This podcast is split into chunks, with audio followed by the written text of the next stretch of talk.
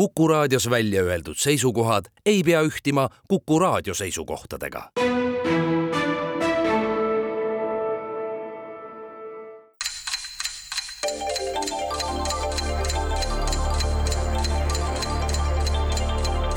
tarkade klubi targemaid küsijaid toetab lisateadmistega Postimehe raamatukirjastus tere taas, Kuku raadio Tarkade klubi tervitab häid kuulajaid uue olümpia, puudraakoni, Käo, Saarma, valimiste, kultuuripealinna, vööthuul, sõrmkäpa ja kellele mis uskumust ja tahtmist mööda veel mis iganes aastal kaks tuhat kakskümmend neli. Või hoopis tuhat nelisada nelikümmend viis kaks tuhat viissada kuuskümmend kaheksa või Reiva kuus. Neidki valikuid on igale maitsele ja uskumusele. meie soovid jäävad ikka samaks, teadmiste, rõõmu ja rahurohket aastat, head kuulajad. eriti sellise rahu, kus nagu praegustes miinustes eriti paslik haarata suure teetassi kõrvast, et soovitud rüübet kas sortsukese kangemaga või pigem mitte. nautida lähema tunni jagu, laskmata ennast segada kõrvalisest ja pugistada üks võidurõõmus naergi, kui juhtute lähema tunni jooksul teadma midagi, mida raadios olevad inimesed ei tea oleme niisiis Euroopa aja arvamise järgi kahe tuhande kahekümne neljanda aasta esimeses laupäevas, kui nii mõnigi usinam, ärevam või ka tublim inimene teab riste tõmmata päevadeni kuues kuni üheksas juuni, mil aru anda oma valijatele Euroopas, mida kõike sel äreval ajal on hästi tehtud. ja see on kindlasti tema, mitte komisjon või nõukogu, kes on selle tubli asja ära teinud. see loodetavasti sõbralik nöök on kuuldavasti Brüsselis igapäevane ja saatejuhi sissejuhatus nimme sinna rööbastele suunatud, loomaks fooni tänaste haruldaste ja imetoredate toredate külaliste tutvustamiseks.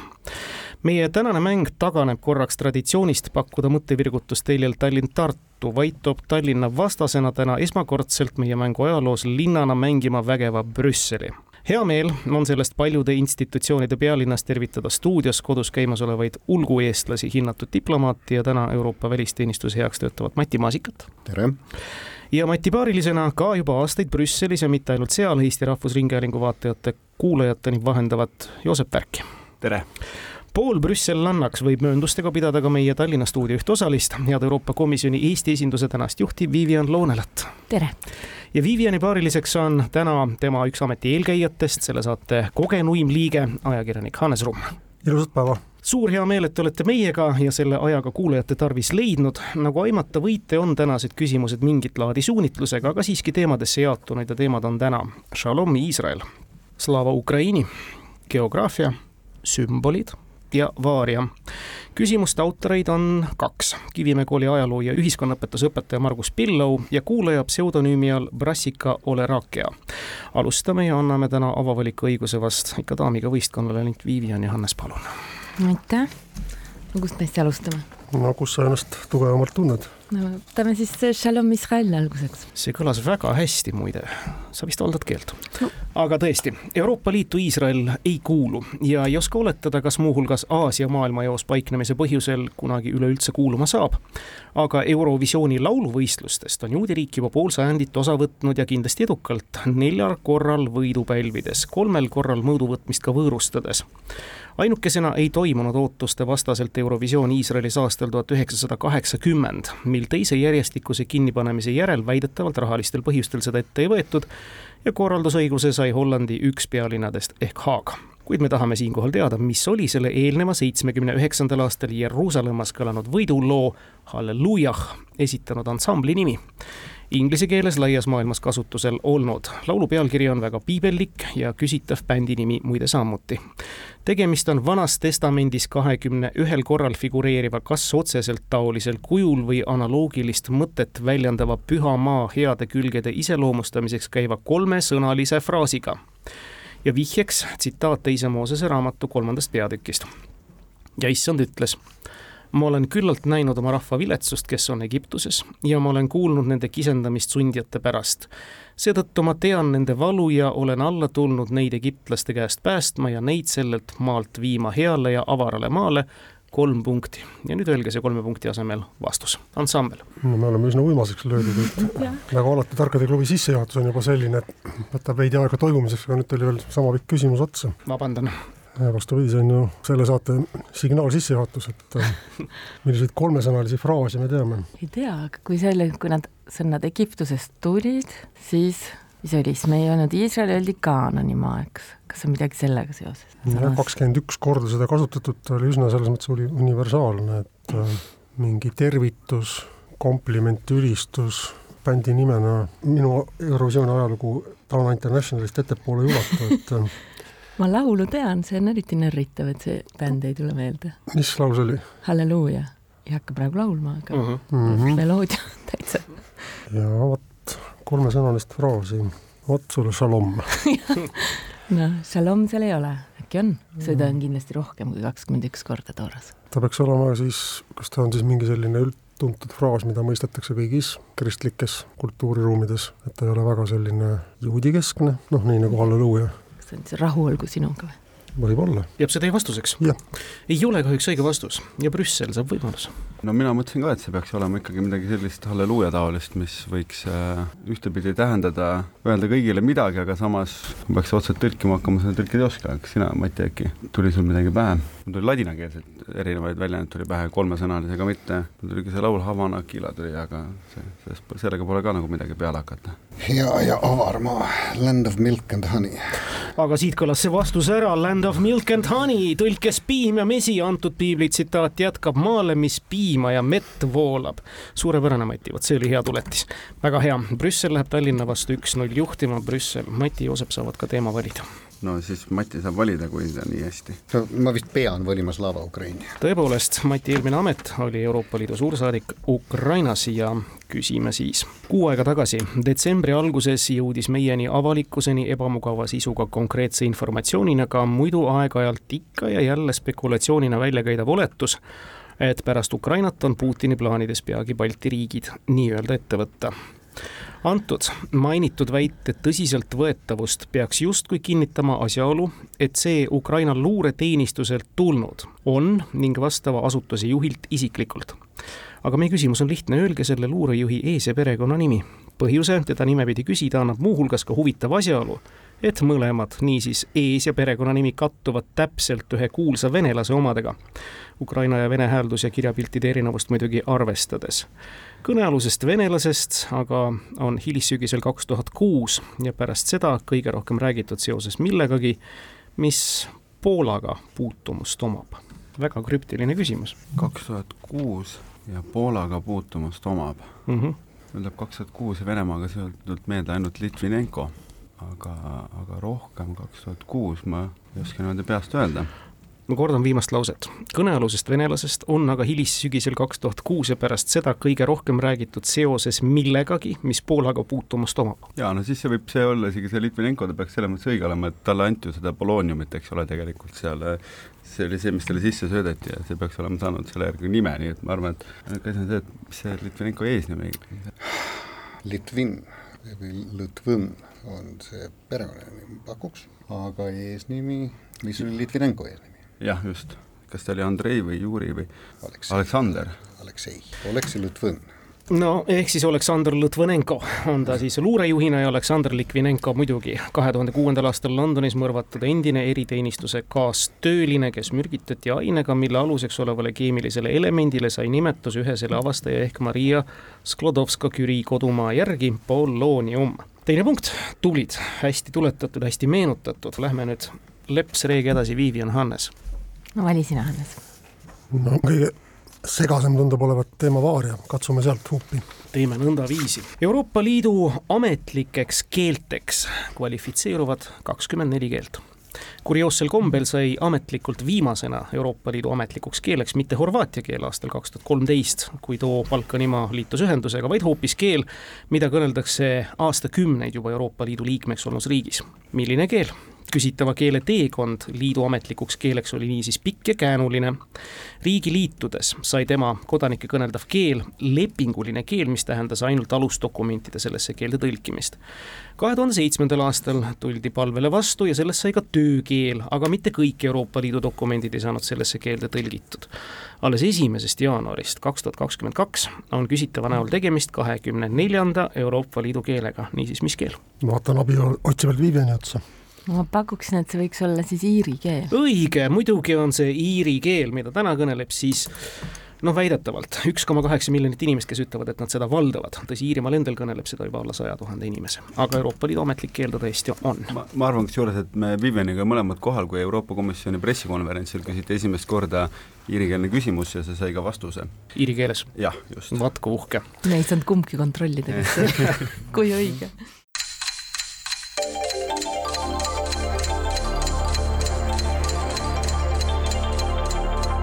tarkade klubi. targemaid küsijaid toetab lisateadmistega Postimehe raamatukirjastus nõnda, aga lähme siis toredasti edasi, mul on hea meel tõdeda, et kõik küsimused on seni saanud vastatud, ehk siis vastajad on olnud tasemel ja tublid. palun, Joosep ja Mati. aga võtame sümbolid, keerulisem. loomulikult. ühe Euroopa Liidu liikmesriigi vapil on kujutatud sümbol, mis Vanast Testamendist, jälle jõuame sinna, esimese Moosese raamatu kaheksandast peatükist on võetud osutatud piibli kirjakohale järgneb vahetult kirjeldus järgnevatest sündmustest, mis leidsid aset ühe teise Euroopa Liitu mittekuuluva riigi vapil kujutatud kohas. see kujutatud koht omakorda asub aga ühe kolmanda, seekord Euroopa Liidu kandidaatmaa territooriumil. nimetage need kolm riiki, kaks õiget saab pool punkti. piibli kui Euroopa kultuuri ühe alustala tundmine tuleb niisiis kasuks. Euroopa Liidu riigi vapil on sümbol, mis on siis võetud Moosese raamatu kaheksandast peatükist.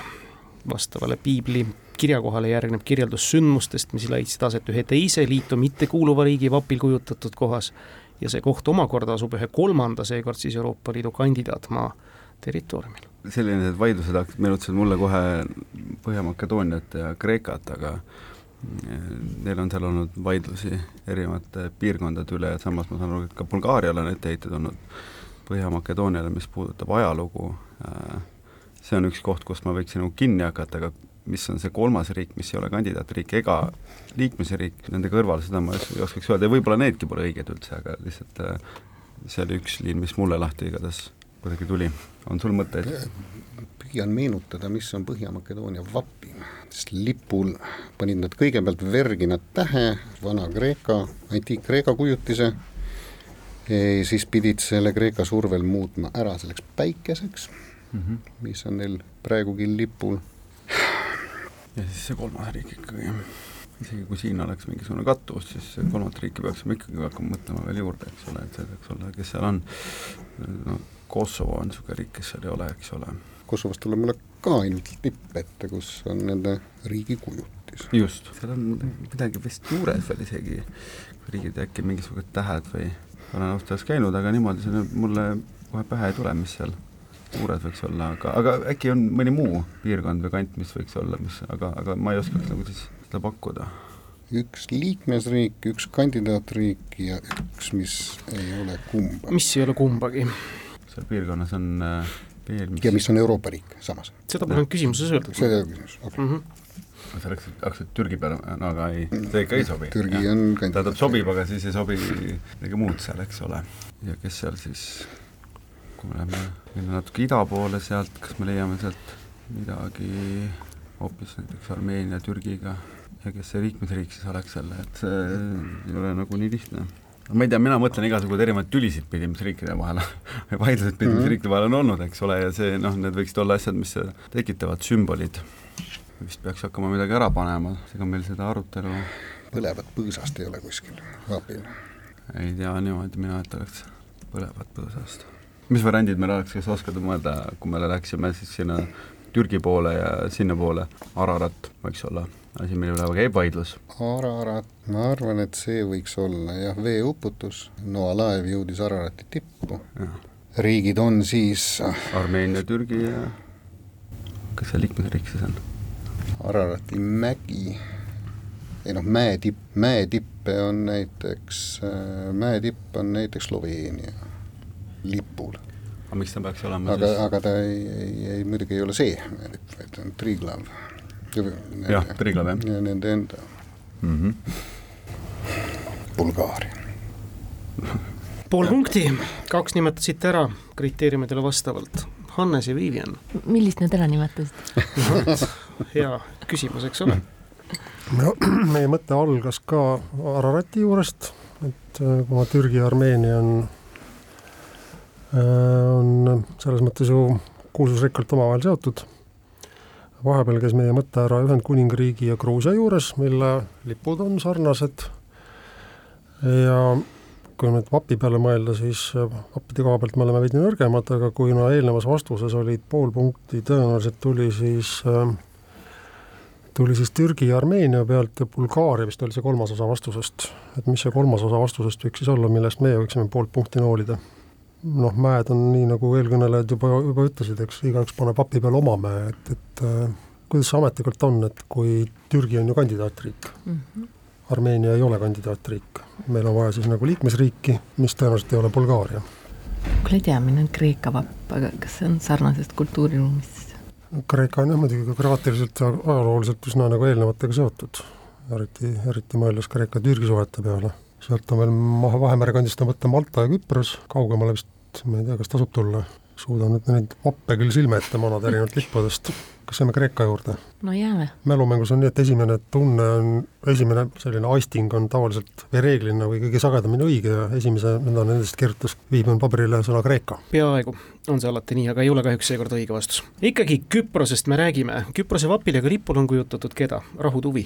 rahutuvi õlipuu oksaga, see on võetud tollest piibli kirjeldusest, kus Noa uputuse alanemise järel saatis laevalt välja linnud ja tuvi tuli selle oksaga tagasi. pärast seda jäi Noa laev Ararati mäe tippu, nagu väga hästi teate, pidama ja vastav episood on Armeenia vapi keskmisel väljal kujutatud, kuigi Ararat asub tõesti tegelikult ju Türgi territooriumil. kaks pool Brüssel, Tallinn üks, pärast nelja küsimust me läheme vahvalt edasi. Hannes ja Vivian, Vivian ja Hannes Vaares, tee tema valik. aga proovime sealt Vaariast edasi. väga tore ja Vaaria küsimus. Vatikani grottides Püha Peetruse katedraali all asuvad teiste hulgas silmapaistvamatena mitmekümne paavsti sarkofaagidega hauakambrid alates Peetrusest endast ja värskeim nendest on ligikaudu aasta tagasi maetud Benedictus kuueteistkümnenda oma selles rahulas puhkavad mõneti üllatuslikult samuti kolm naist Toskaania grahvinna Matilda, kes Canossa lossi perenaisena aastal tuhat seitsekümmend seitse tähtsündmusena ajalukku läinud paavsti ja keisri kohtumist võõrustas.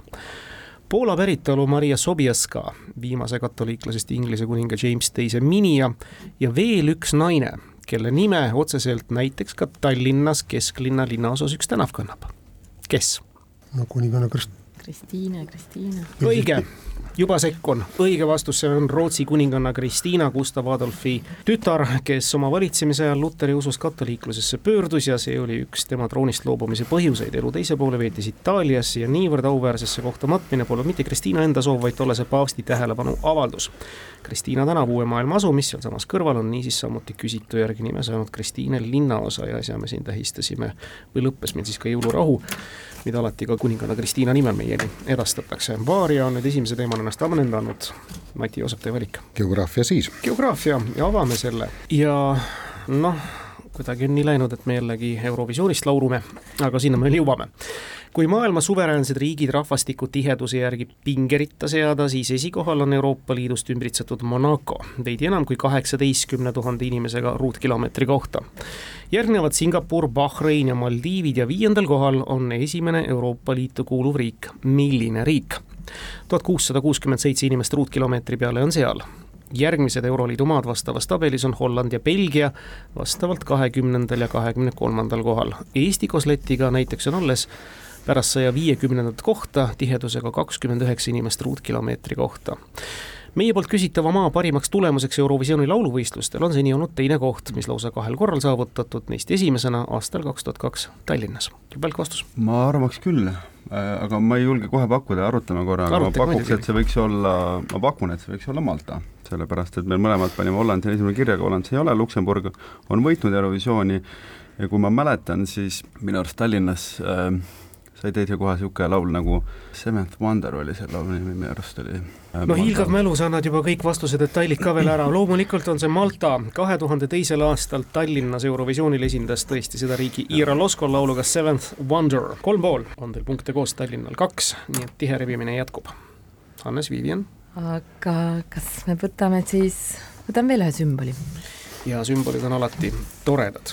Hirundo rustica ehk suitsupääsuke meie rahvuslinnuna tegi läinud aastal ilma, jõudes Eesti Panga vermituna meie kahe eurose meene või mälestusmündi küljele. nagu teame, on Eurotsooni liikmesriikidel kaks korda aastas võimalus oma kahe euroseid meenemünte vormida ja käibele lasta. ja seda võimalust läinud aastal Eurotsooni riigid ka usinalt kasutasid ja fauna esindajatest leidis lisaks meie pääsukesele ka tee ühele euro meenemüntidest ka üks stiliseeritud põrnikas ja me küsime, millises Eurotsooni riigis.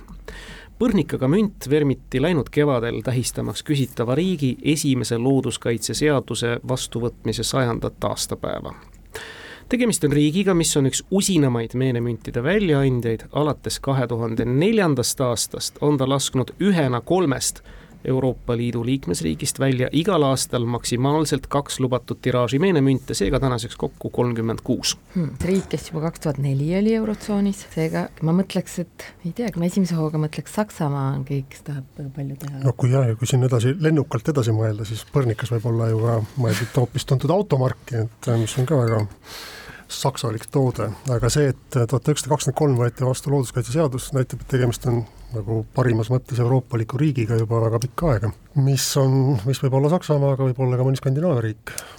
ja samas muidugi, kes usinamalt annavad välja marke ja münte, on reeglina just nagu väiksemad riigid, kelle puhul see on üks viis nagu ennast näidata või vähemalt siis kollektsionääride hulgas ka, ka nagu turundada. Skandinaavia riikides pole jälle eurot. ma ei tea, kas Soome kakskümmend kolm võttis oma looduskaitseseaduse vastu? Tea. Soome oli väga edumeelne juba enne seda, kui nad iseseisvusid seal oli juba siis käibel oma raha ja, ja said naised valima enne, kui nad mujal, mujal Euroopas valima said. aga mõtleme korra põrnikate peale, et millised on sellised tähendusrikkad põrnikad ähm, no, tänase ilmaga ütleks, Soomes on surnuks külmunud nii et äh, võtame midagi lõunapoolsemat. noh, mingid äh, ritsikad kuskilt Vahemere äärest mm midagi väga spetsiifilist, noh, eelmisel aastal Prantsusmaal, kui nüüd olla nalja visata, siis Prantsusmaal võiks olla lutikad. võib-olla tänavu nad parandavad selle vea, aga Saksamaa puhul, mis missuguse loogi-, kas see oli lihtsalt esimene selline mõte või oli seal mingi mõttekäik seal taga? ei tea, ma mõtlesin selle peale, et looduskaitses on alati see midagi, millega nad väga tegelevad, kui vaatame ise siin Eestis turistid, kes tulevad loodusmatkadele hästi palju saaks, neile on see väga oluline mm. -hmm aga kas Hollandi, Belgia puhul äh, emal-kummal neist mingi selline Luksemburgi puhul, mis võiks olla selline, noh, sa oled mm. nii Belgias kui Hollandis elanud, on, tuleb sulle meelde mõni putukas, mis on ainuomaselt selle riigiga seotud? hooga küll ei tule. Taanist mõni, Anderseni muinasjuttudest mõni putukas. Taanis ei ole eurot. aga ei ole eurot, putukaid on, aga eurot. jah, no aga siis jääme Saksamaa juurde. ei ole Saksamaa kahjuks, kas Brüssel teab?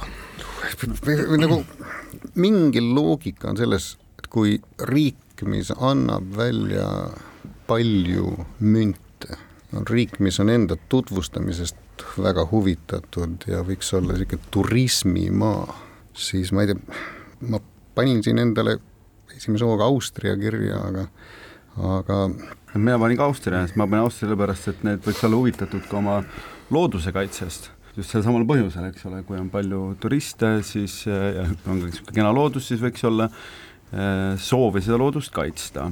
samas kui me mõtleme tuhande üheksasaja kahekümne kolmanda peale, aasta peale. lakuti seal ikkagi sõjahaavu, eks ole. et äh, selle looduskaitsega nagu teine variant, miks ma hakkasin looduskaitse peale mõtlema, oli, oli see, et noh, võiks mõnes mõttes ka Holland olla, eks ole, kellel on loodusega natukene omamoodi suhe äh,. arvestades, millised üleujutused seal on äh, ajaloos ka toimunud, siis ja, ma ei tea, meil mõlemal Holland on muidugi kaupmeeste riik Äh, ajalooliselt ja hingelt, et nagu selles mõttes nagu erinevad mündid, müntide väljaandmine võiks olla loogiline. Austrial kindlasti on olnud siin erinevaid Mozartiga seotud münte ja võib-olla on seal neid heliloojaid veel, keda sinna igale poole peale panna, eks ole.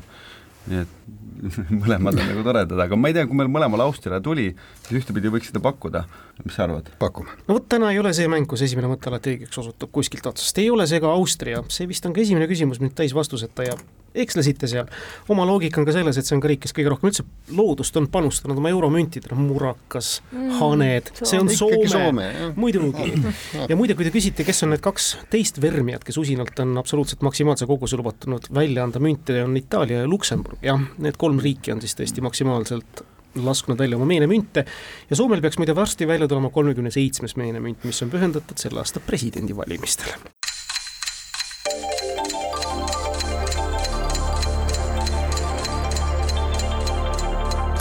Tarkade klubi targemaid küsijaid toetab lisateadmistega Postimehe raamatukirjastus.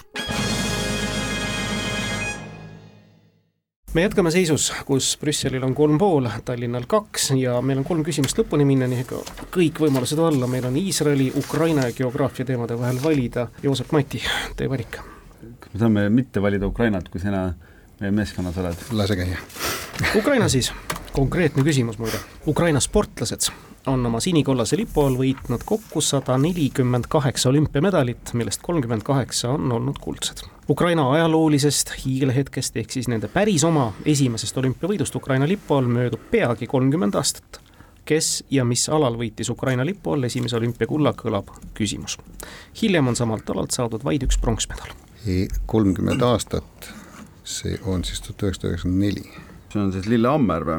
ei, või üheksakümmend neli peaks olema Lillehammer. taliolümpia, jah. jah, millised on taliolümpiaalad, kus äh, ukrainlased nüüd juba hästi esinenud on ja pärast ainult pronksi saanud, ma ei suuda isegi, ei suuda isegi peast öelda ühtegi äh, Ukraina suusatajat, suusatajat, jah noh, minu arust, minu mäletamist mööda neil niisugune suusataja nagu Antonina Ordina kunagi, aga see hiljem võistles üldse ennast Rootsi all, nii et, et kui ma pean sealt edasi hakkama mõtlema, siis kes suusahüppajat, ei tule ühtegi ette mul, pärast nad ei ole eriti head seal ka olnud, kui ma mäletan vähemasti viimasest ajast, kiiruisutajaid äh,, miks sa tahtsid nime teada? nime pluss spordiala. nimi pluss juhul, kui nimi meelde ei tule, siis spordiala annab pool punkti. Ukraina meessuusatajaid äh,, naissuusatajaid, meessuusatajad mul kumbagi ei tule ette vaevalt, et nad seal kuskil kurlingus midagi võitsid, eks mm. ole, kahevõistlusest me no võib-olla tollest ajast eestlased peaksid teadma isegi tegelikult neid nimesid, aga mina isiklikult küll ei tea. laskesuusatamine, no aga jällegi siin tänapäevast võiks igast nimesid ette tulla, aga tollest ajast seal mitte nii väga. mis meil on alad veel?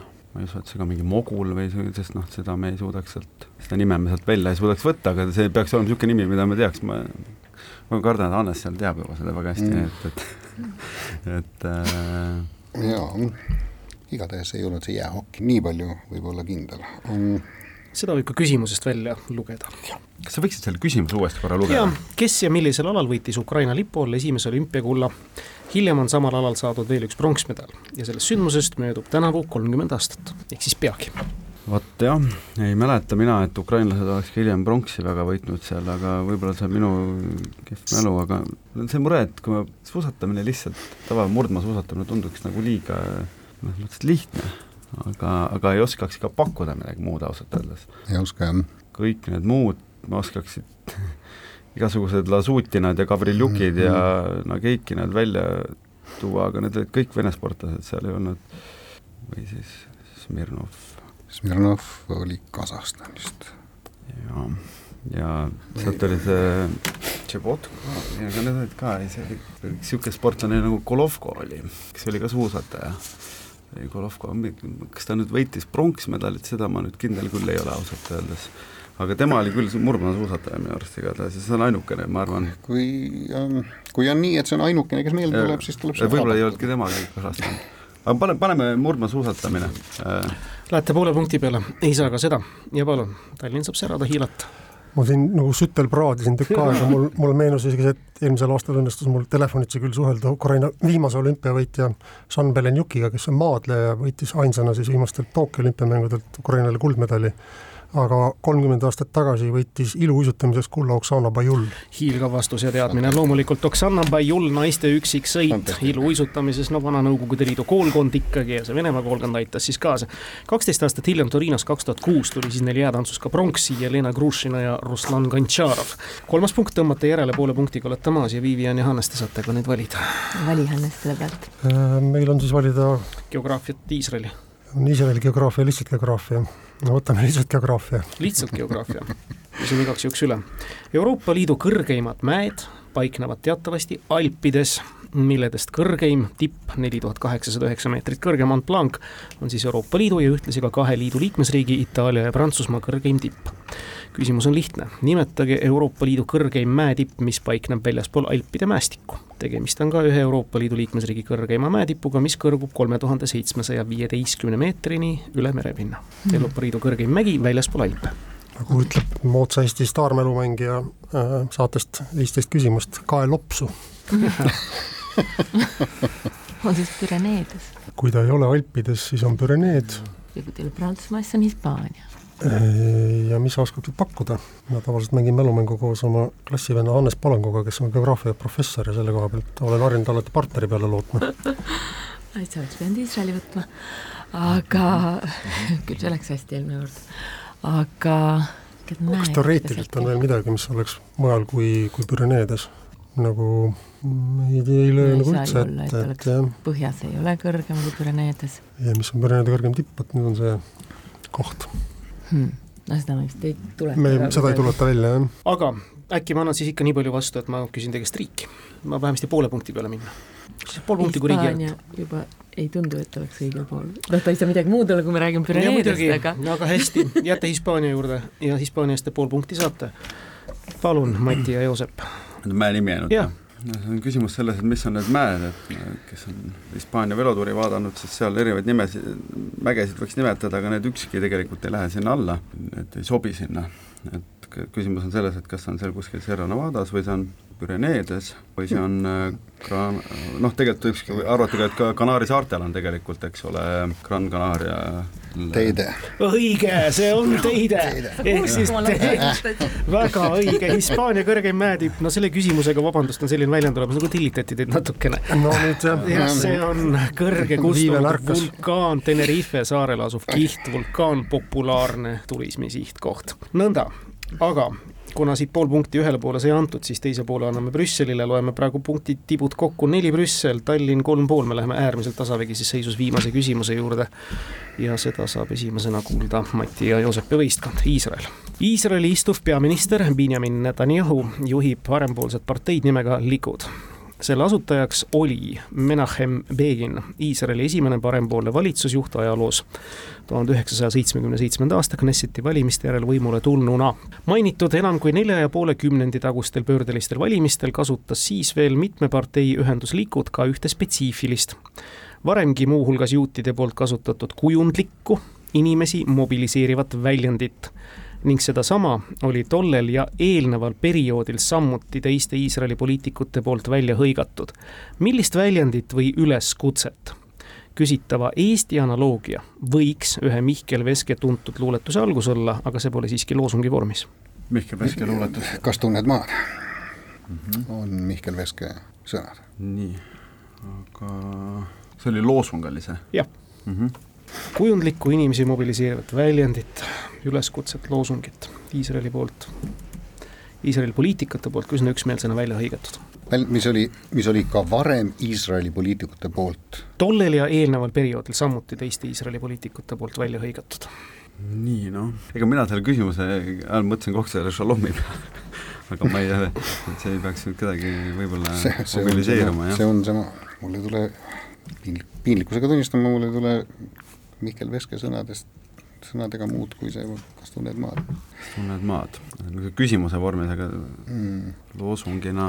ja aga see oli, ütle palun see küsimuse lõpu, see Veske, Veske osa veel. analoogia võiks ühe Mihkel Veske tuntud luuletuse algus olla, aga see pole siiski loosungi vormis. aga noh, see ei olegi loosungi vormis, kas tunned maad nagu äh, ei ole küsimusena, ta ei mõju väga hästi loosungina, aga tunne maad. ehk siis tunne maad lihtsalt, jah ei ole kahjuks õige vastus. Ja Brüssel lõpetab täna tubli nelja punkti peal ja Tallinnal on hiilgav võimalus võtta siit nüüd dramaatiline poolepunktiline võit, kui vastust teatakse.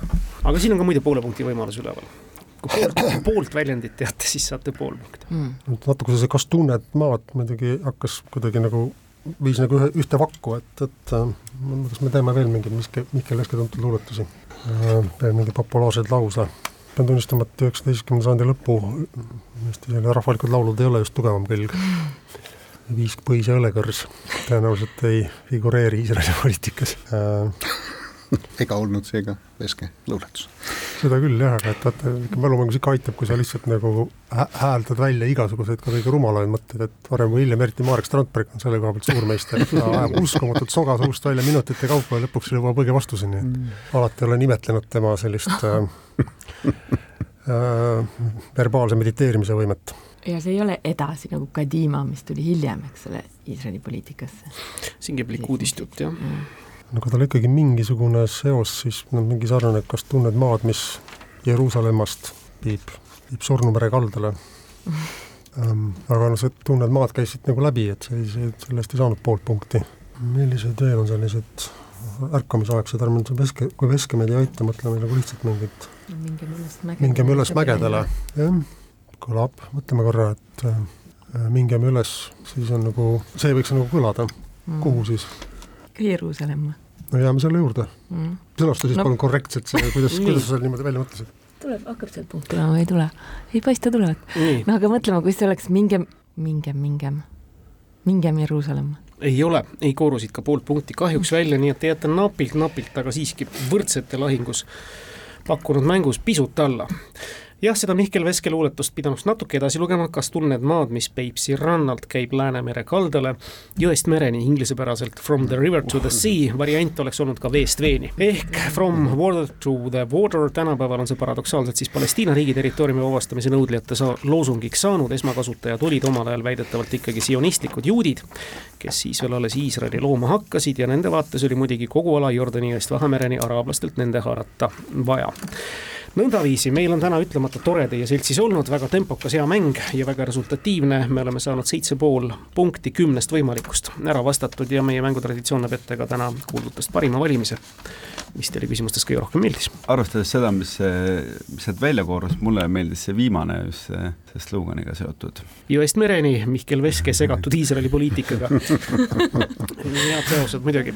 mida ütlevad tallinlased? no võib nõus olla selles mõttes, et see loosung on ju tuntud, aga näed, kultuurilugu ei ulatunud nii süg-, sügavale, et oleks teadnud, et see on, see on tegelikult originaalis juudi loosung, mis on nüüd ümber pööratud. teise osapoole. jah suur-suur tänu, Vivian suur,, suur-suur tänu, Hannes, suur aitäh, Mati ja suur aitäh, Joosep, tänase toreda laupäevase tunni eest. jääme taas kuulmiseni, seniks aga ilusat talveaja jätku teile. hoolega hoitud auhinnad toob kohale Smartpost Itella. lõpetame saate taas kuulajamänguga.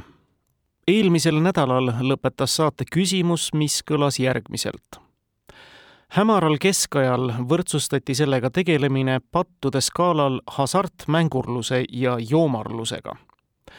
seda peeti saatana väljamõeldiseks ning teemonlikuks rõõmuks. Pole siis ime, et kui erinevatele tegevustele ja nähtustele tekkisid patroonid või jumalused, sai küsitava omaks mitte katoliiklik pühak, vaid hoopis üks paganlik vaim, metsanümf, kellele omistas vastava jumaluse kaheksateistkümnendal sajandil Inglise indoloog William Jones. millise tegevuse kohta käis küsimus?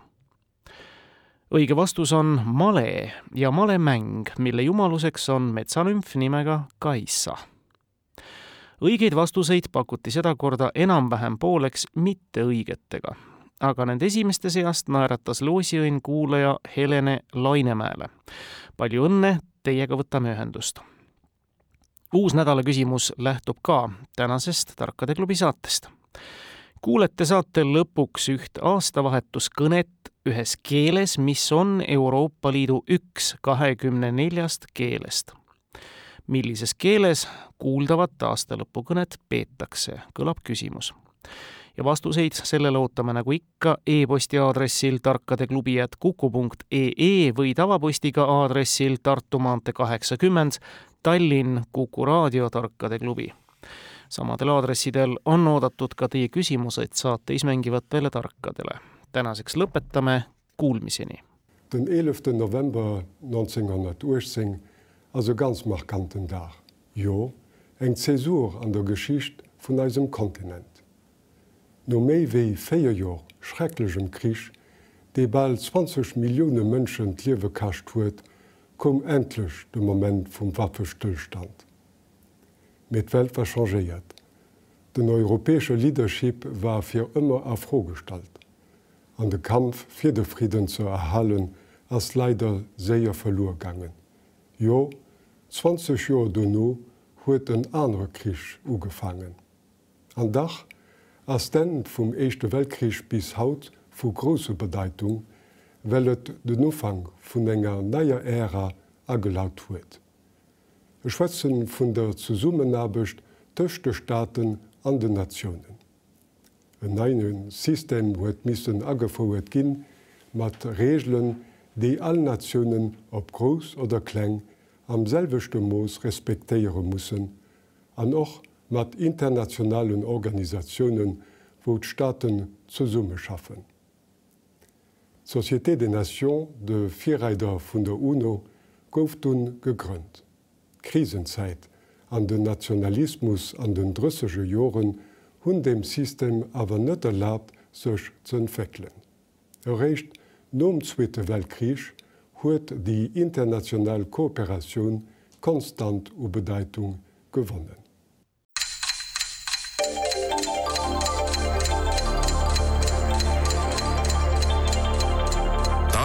Tarkade klubi. targemaid küsijaid toetab lisateadmistega Postimehe raamatukirjastus